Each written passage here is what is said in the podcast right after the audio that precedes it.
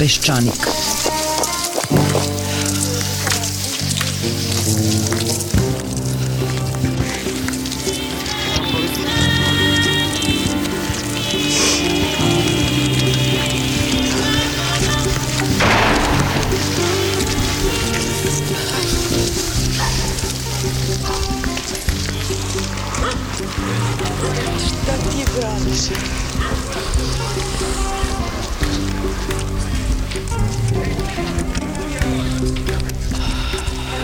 Peščanik.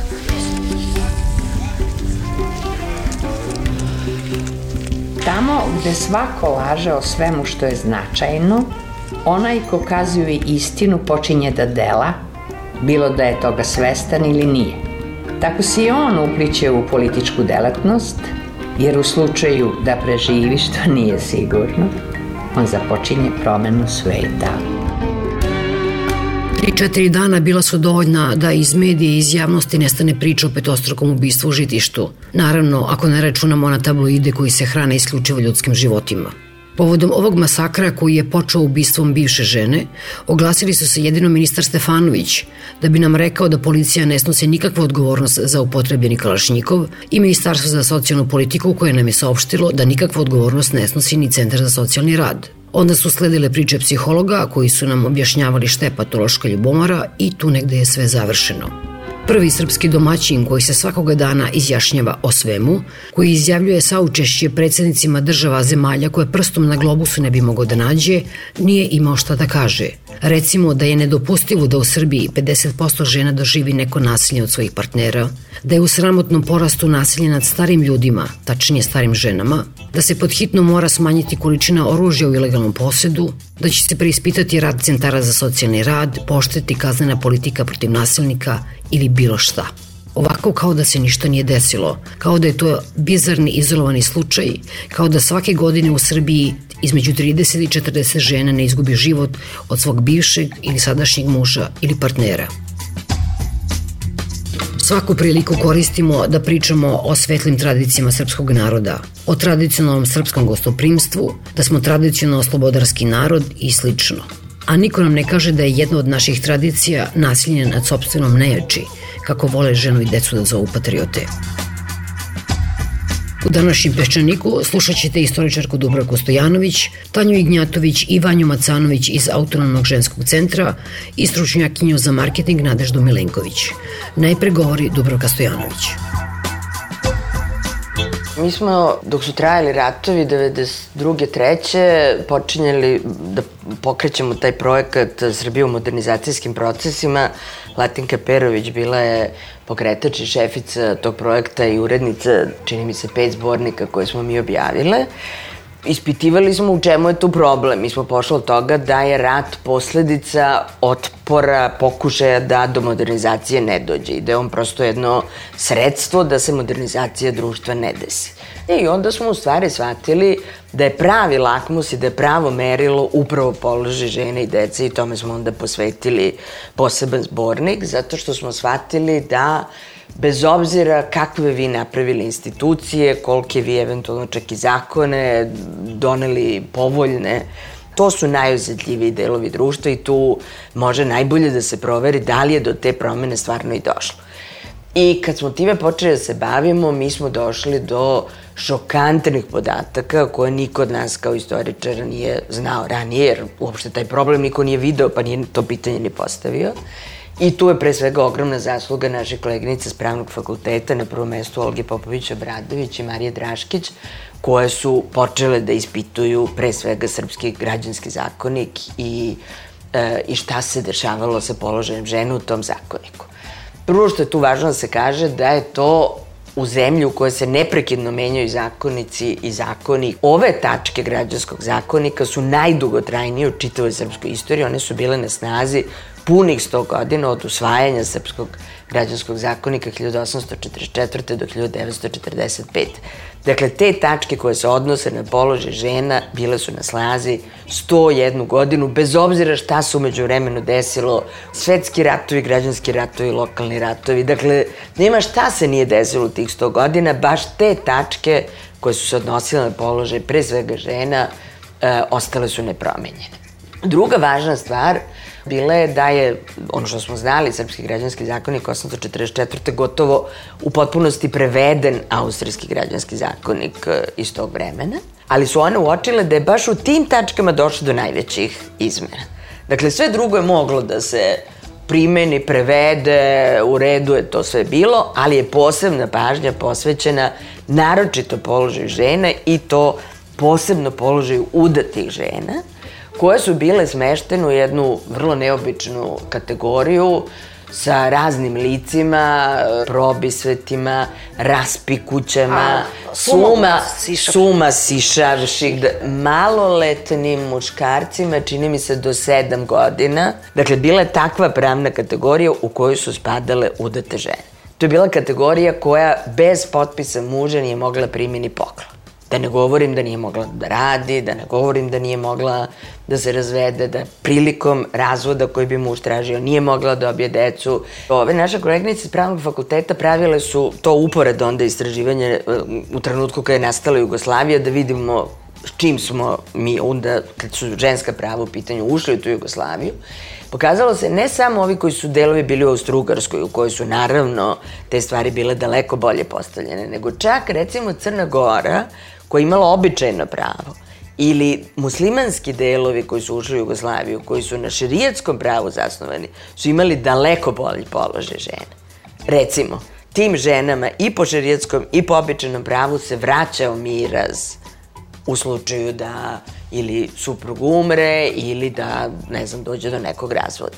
To je bilo običajno pravo. Po srpskom građanskom zakoniku to je ulazilo u imanje muža, a imanje muža, žena ili čerke nisu zapravo uopšte mogle da naslede. Tako je bilo namješteno da je ono 12. koleno imalo prednost u odnosu na žene i decu, što je recimo, takođe smo istraživali, dovodilo do ogromnih zločina u porodici, jer je naravno ako, vi, ako umre muž i vi onda ubijete tu ženu i te čerke, to imanje onda prelazi braći i svim tim 12 kolena i tako dalje. Samo ta tačka građanskog zakonika jako proizvodila nasilje i krivična dela, jer su se na taj način rešavala, rešavalo pitanje e, nasleđa.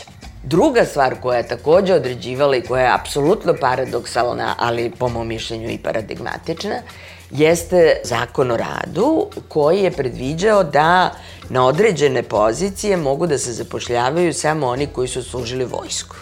Paradoks je u tome što je srpska država vrlo rano počela da školuje i da stipendira studiranje devojčica u inostranstvu i to je ono što će vam svaki moj kolega odmah zalepiti. Kaže, ne, mi smo bili prva država koja je stipendirala školovanje devojaka u inostranstvu.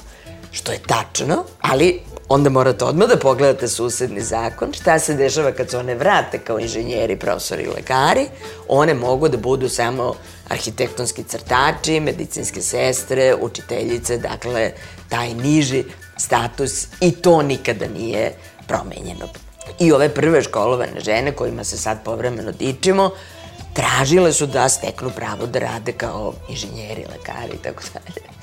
I sada tu imamo velike rasprave u Skupštini, šta sad s njima da se radi i te rasprave su fantastične zato što je to jedna ideologija društvena koja mislim da je nepromenjena ostala, jer su oni poslanici govorili da bi to narušilo srpsku porodicu, da srpska porodica, sad citiram, nije ista kao sve druge porodice u svetu, da ona nije ista zato što, sad opet citiram, Srbin još uvek nije ujedinjen i da pošto taj proces zamišljenog ujedinjenja, to jest stvaranja te velike srpske države sanjane, još uvek traje, a traje, kao što znamo, još uvek, dakle, već smo u trećem veku trajanja tog dugog procesa, mi ne možemo da, po njihovom mišljenju, razrušimo porodicu, jer, pa ponovo citiram, srpske majke imaju zadatak da pevaju kosovske pesme budućim osvetnicima Kosova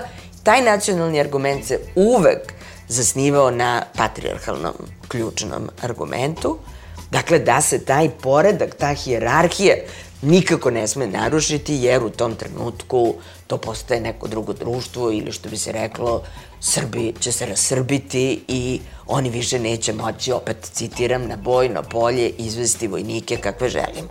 Ono što je vidljivo iz svih tih rasprava i, i svega onoga što mi do danas živimo, to je da žene imaju položaj manjine, bez obzira što one to procentualno naravno nisu, one su manjina kao slabiji deo društva i zato je ona vrlo bitna da se nad njom dokazuje moć. Ja mislim da je to jedan od ključeva razumevanja e, tog nasilja. Dakle, taj baja ne može da se dokaže sam sebi ako tu ženu ne prebije. Dakle, ona je njegov drugi, te žene u društvu, ta deca su ti drugi prema kojima mi gradimo sobstvenu snagu i sobstvenu moć koja onda održava taj patriarhalnu piramidu, a ta patriarkalna piramida obećava veliku Srbiju. Mislim, sad sam stvarno radikalizovala stvari, ali ja. mislim da je to ta suština do koje smo mi došli istražujući rasprave iz 19. veka. Rasprave koje ni na koji način nisu okončene. Samo ću još nešto da kažem pre nego što pređemo sada na, na druga i konkretnije pitanja, a to je da se mi i dalje pravimo kao da se ovde ništa nije desilo. Dakle, mi se pravimo da se rat nije desio, mi se pravimo da se ti zločini nisu desili i da to nije promenilo društvo. To je potpuno unakazilo društvo iznutra, to je srušilo elementarni moral, to je srušilo osnovne kočenice u ljudima.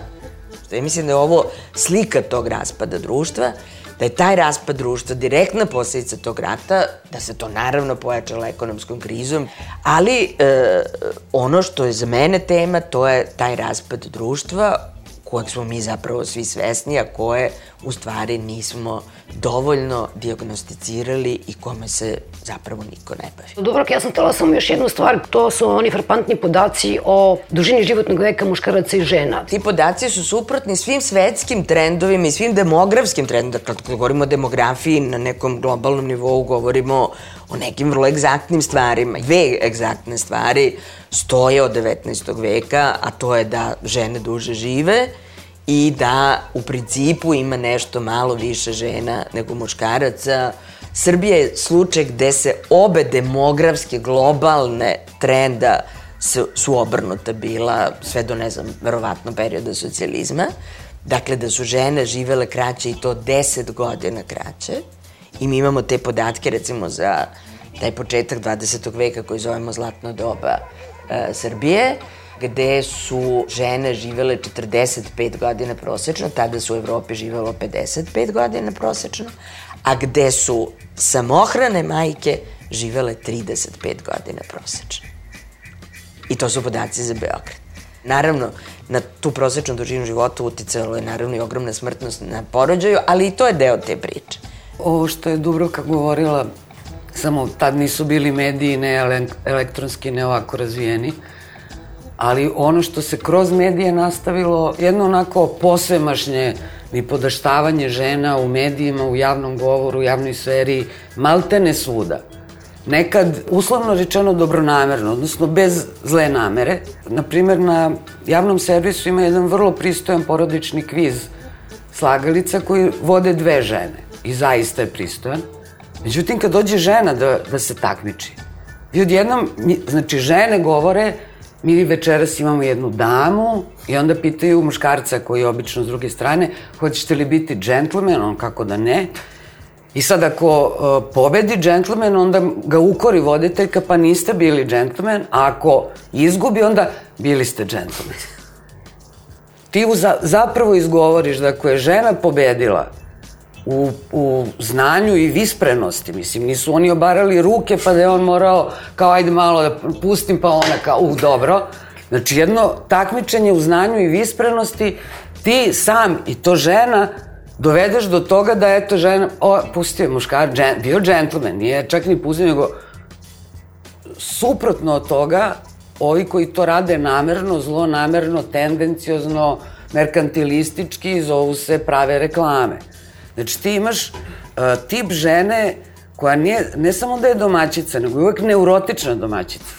Znači to su one, moje belo nije do, i kao sad čupa ko, ali čupa kosu sa, znaš, razdaljina ne pokvari frizuru za TV Jer njeno belo nije dovoljno belo. Mislim, ko, niko ne poznaje takvu ženu. Ne postoji. Deterđent za pranje veša, aman. I imate one druge još tako neurotičnije. Njeno crno nije dovoljno crno. To čak da je parodija, onda bi to bilo super. I naravno sad, na drugom polu, obrnuto, žena, ja te vidim ovako, žena meso. Šljapni je na billboard, tako šta, šta reklam nema veze. Što je ni podaštavanje muškaraca? Ti u stvari kažeš muškarcu, ja mislim s ti jedan buzdovan. Ja kad ti zamašem ženom, ti ćeš da kupiš šta ti ja kažem. Pritom nije tačno. Kao na sajmu automobila, sad će neko iz kešira 60.000 evra jer je ona lepa devojka tamo na haubi misli da će je dobije uz auto. Strašno je, šalješ stalno tu jednu poruku žena za bolje nije. Ja probam sa, sa kolegama, pa kao, jel te ne brine da ako ti hiljadu puta nekom pošaljaš tu poruku kako se žena tretira, sutra će neki, neka baraba tvoju čerku. Međutim, najčešće svi, naravno, mislimo u životu, neće baš mene, zato i vozimo kako vozimo i to, neće baš moju čerku i nastavljaju to. Mislim da ne pričam reality show i tabloidi, mislim, to je mučno uopšte izgovarati. Ali pritom takva osoba ima potvrdu višeg suda, crkve, koja kaže isto to.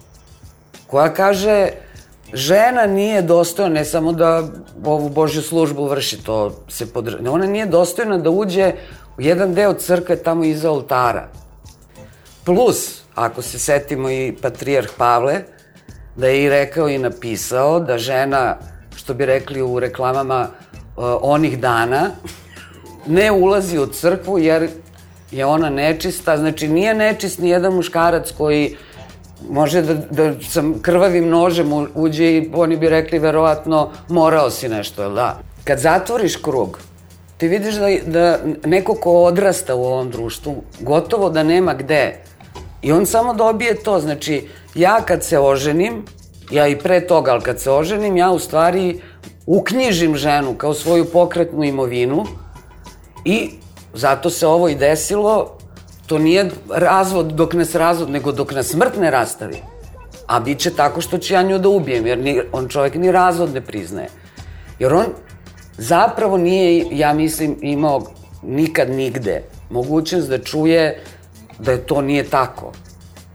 Da te sve poruke ovi mangupi iz marketinga šalju verujući u neku zaradu, ovi šalju da se ne poboljša položaj žene pa da sad ona zarađuje više od muškarca dok se Srbin ne sjedini. Svako ima svoju neku motivaciju, crkva naravno ima svoju.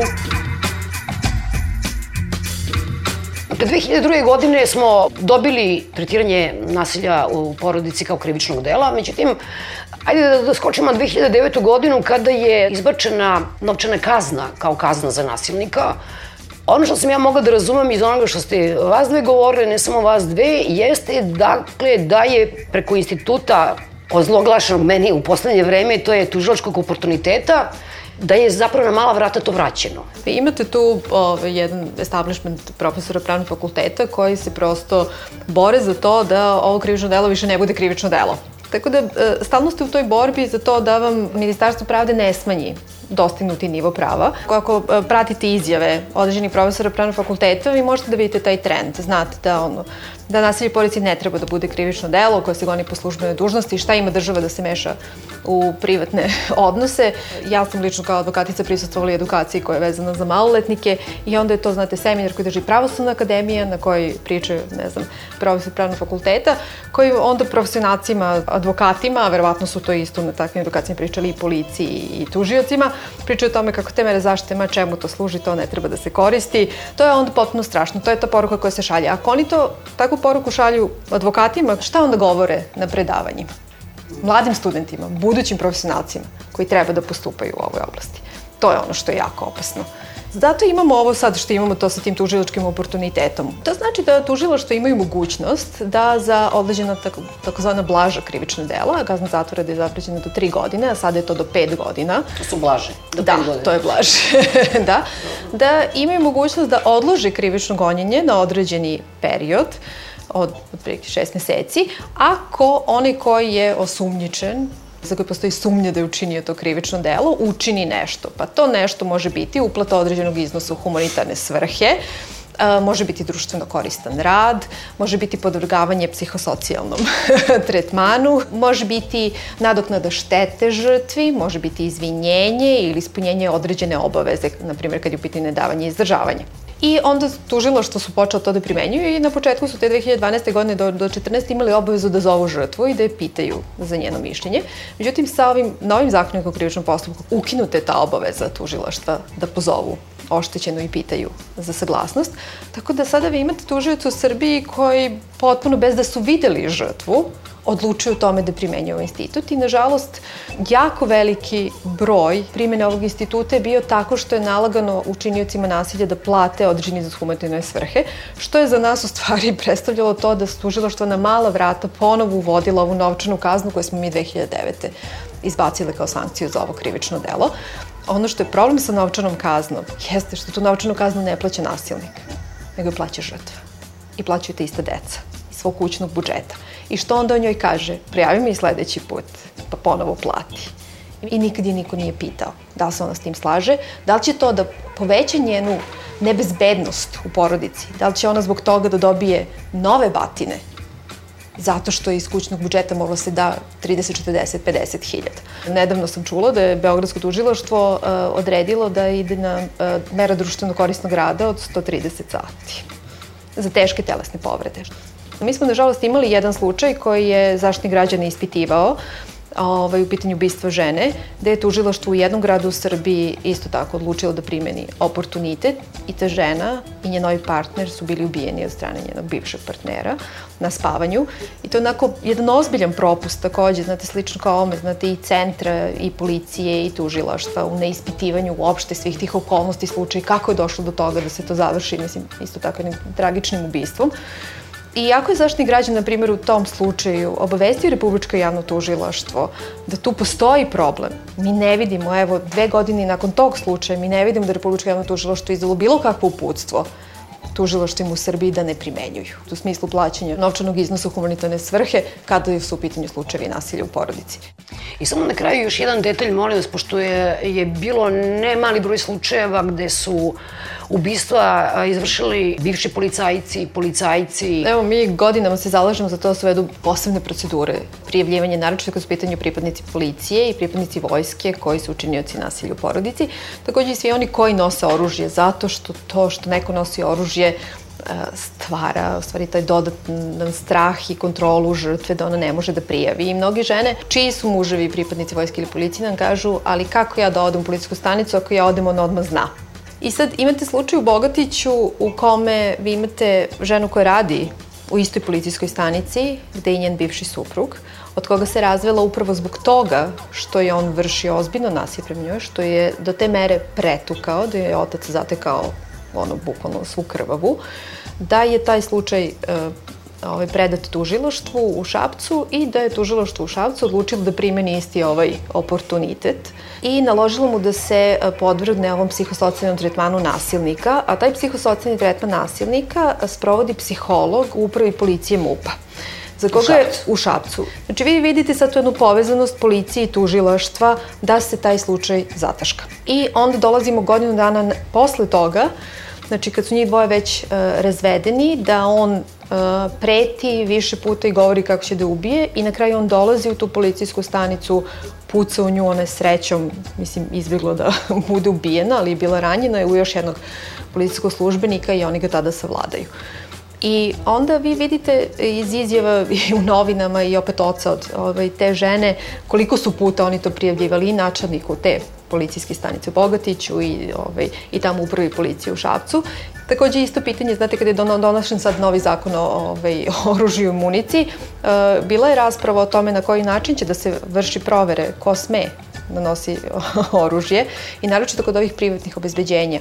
Kakve provere prolaze? Vi sad imate ponovo ovu akciju MUPA da. da se oružje koje traje do, ne znam, 1. novembra. Kao što sam rekla, žitište je malo mesto. Znaje se ko je, ko je došao sa ratišta.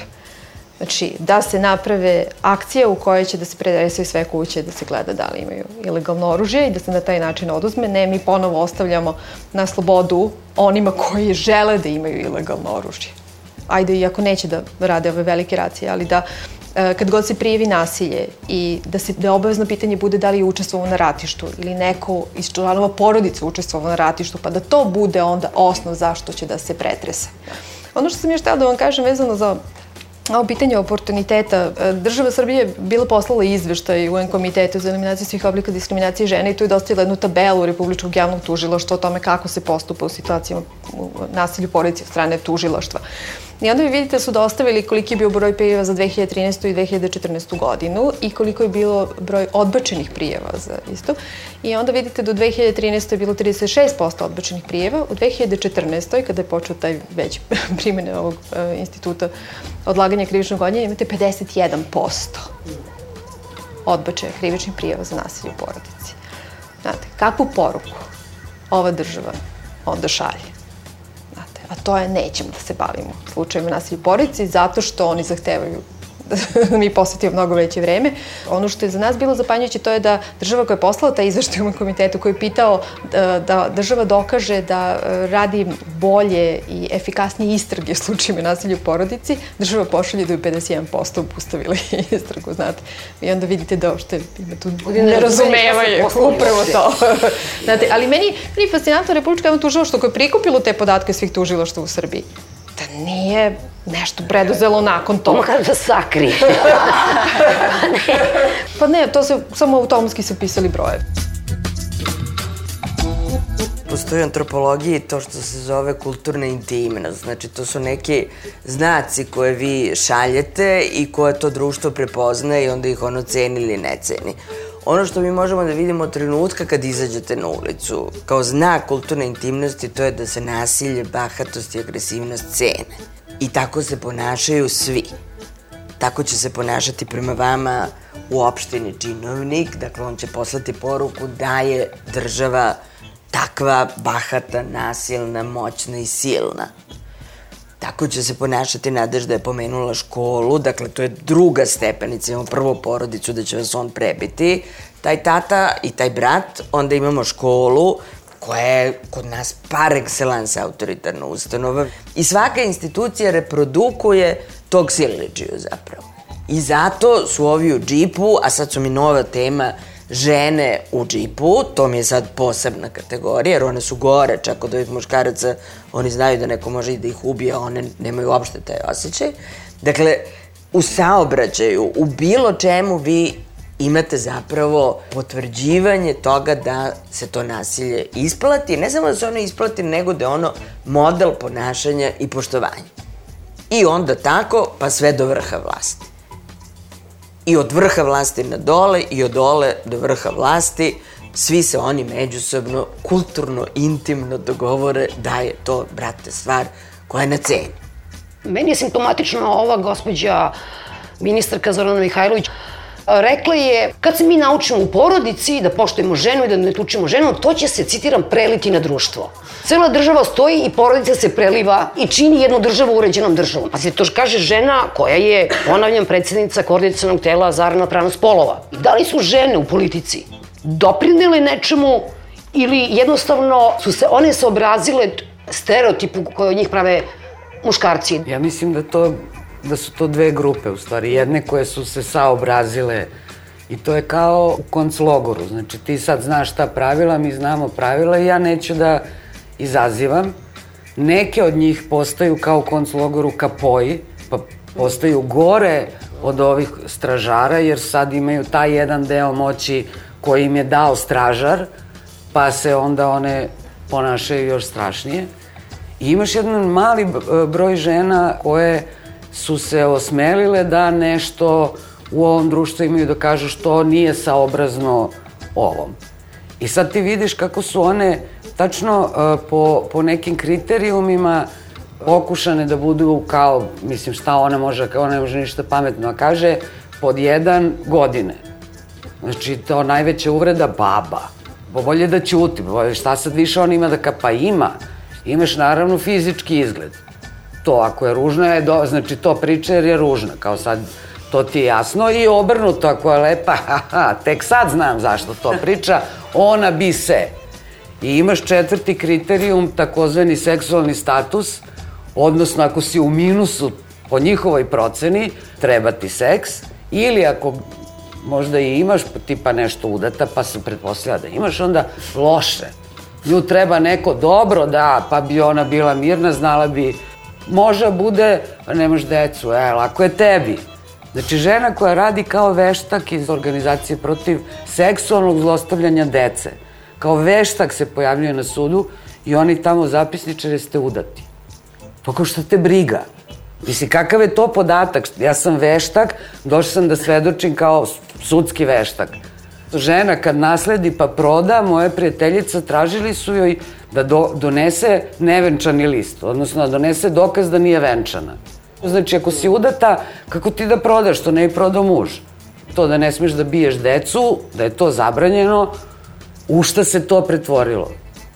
Da, onda će da ih oduzmu decu i da ih daju gej parovima, mislim, pa i da ih nose na Mars, mislim. Kad je bila prvi put ta tema na TV-u, bio utisak nedelje i bile su dve žene koje se profesionalno bave decom, porodicom, građanskim zakonikom i jedan čovek koji se time ne bavi profesionalno, ali oni su zagovarali te stave, one znači ne smeš da biješ dete, ne. I on naravno su sad, kraj, su, javljaju se gledalci, deset Ni, svi su govorili pozdrav Olja vama i vašem gostu, znači svi, pritom se javljaju žene. Ti u stvari imaš taj jedan dogovor društveni koji redko ko hoće da probije, žene, političarke, redko koje, jer one već žive u nasilnim porodicama koje se zovu partija. Mi smo gledali uživo prenos prvog među nejednakima, kad je vikao tišina tamo, ostavi telefon, ja sam rekao, ćuti, sedi, gde si pošao? Kasniš. Što ka... Znači, ti već imaš tog jednog uh, pater familija sa, u najgorem izdanju. Znači, ako se on tako ponaša kad ga kamere snimaju, Naravno, ponaša zato što misle da ostavlja dobar utisak. I ostaje. I ostaje. Naravno, pošto on zna u kojem društvu živi, a mi očito ne znamo, pa smo sele sad nešto i kao, sve šćuđavamo. Ali zamisli kako se on ponaša, odnosno te partijske vođe, kako se ponašaju bez kamera. Što si rekla, nije se javio premijer, niko se drugi nije ja. Ni se, ne, ne, nema žene iz politike koje, jer nekako je to primarno njihova. Vi ste se delegirale same sebe da se borite za nas građane. I evo, jedan od problema je ovaj, on isplivao svako malo, sad je isplivao, to je na nivou komentara na, na, na internetu, koji su bili u fazonu, Pa što je morao pobije one nedužne ljude? Ne ovu ženu, takođe nedužnu. A ovo je, brate, legitimno, žena te ostavi, sad, znaš, oni nemaju kališni, kalašnikova, ali ako bude neka služba na iznimljivanje, bijem po kućama i kafićima, jer kao to, to je no, tako, šta radiš sa ženom, radiš to. Pa, sad da vratimo se na izjave ministara. Da, možda policija nije ništa pogrešila jer nije ni znala. Ali da li je moguće da mi živimo u društvu u kome policija ne zna ko ima pun tavan oružja, možda Centar socijalni rad ništa nije pogrešio, mada znamo da je pogrešio, ali ne mogu da verujem da čitamo izjave ministra i sekretara da nije pogrešio, ali šta da uradimo da nam se to ne ponovi sledeće godine. Mene takođe brine i to kada, a to sam čula na više mesta, ne samo od gospođe Mihajlović, kako se to izliva iz porodice. E pa ne bih rekla da se izliva iz porodice, rekla bi da se na dramatičan način uliva u porodicu, se sve što s polja ima preliva, da se dozvoljava, dakle da je porodica mesto gde ovo može da se dešava zato što je to ventil koji država dozvoljava. U porodici može to da se radi i to će biti ventil za sve ono što ne možemo da rešimo, što frustrira i te muškarce koji su pritisnuti ovim užasnim modelom da moraju da budu heroji, junačine, da ne mogu da kažu ovo je neizdrživo, ovo je teško, da ne mogu da lociraju gde je problem njihove frustracije, koji ostaju bez posla, koji ne mogu da se kompenzuju zato što zapravo su izgubili ono što društvo od njih očekuje, a to je da je on kao glava porodice zapravo hranitelj koji može da obezbedi jel, porodici.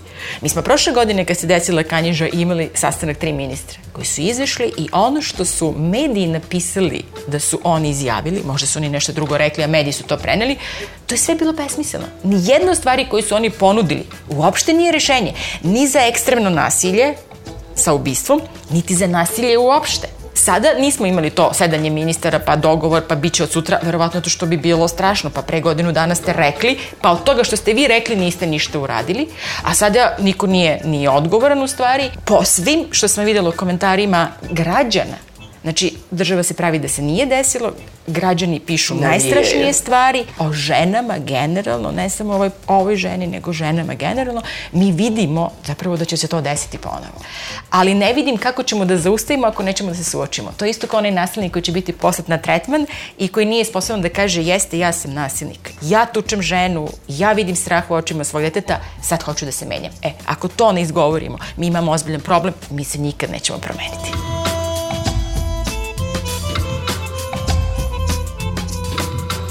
Bio je ovo Peščanik, slušali ste Dubravko Stojanović, Nadeždu Milenković, Tanju Ignjatović i Vanju Macanović.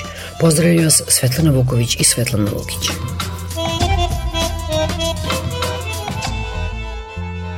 Peščanik.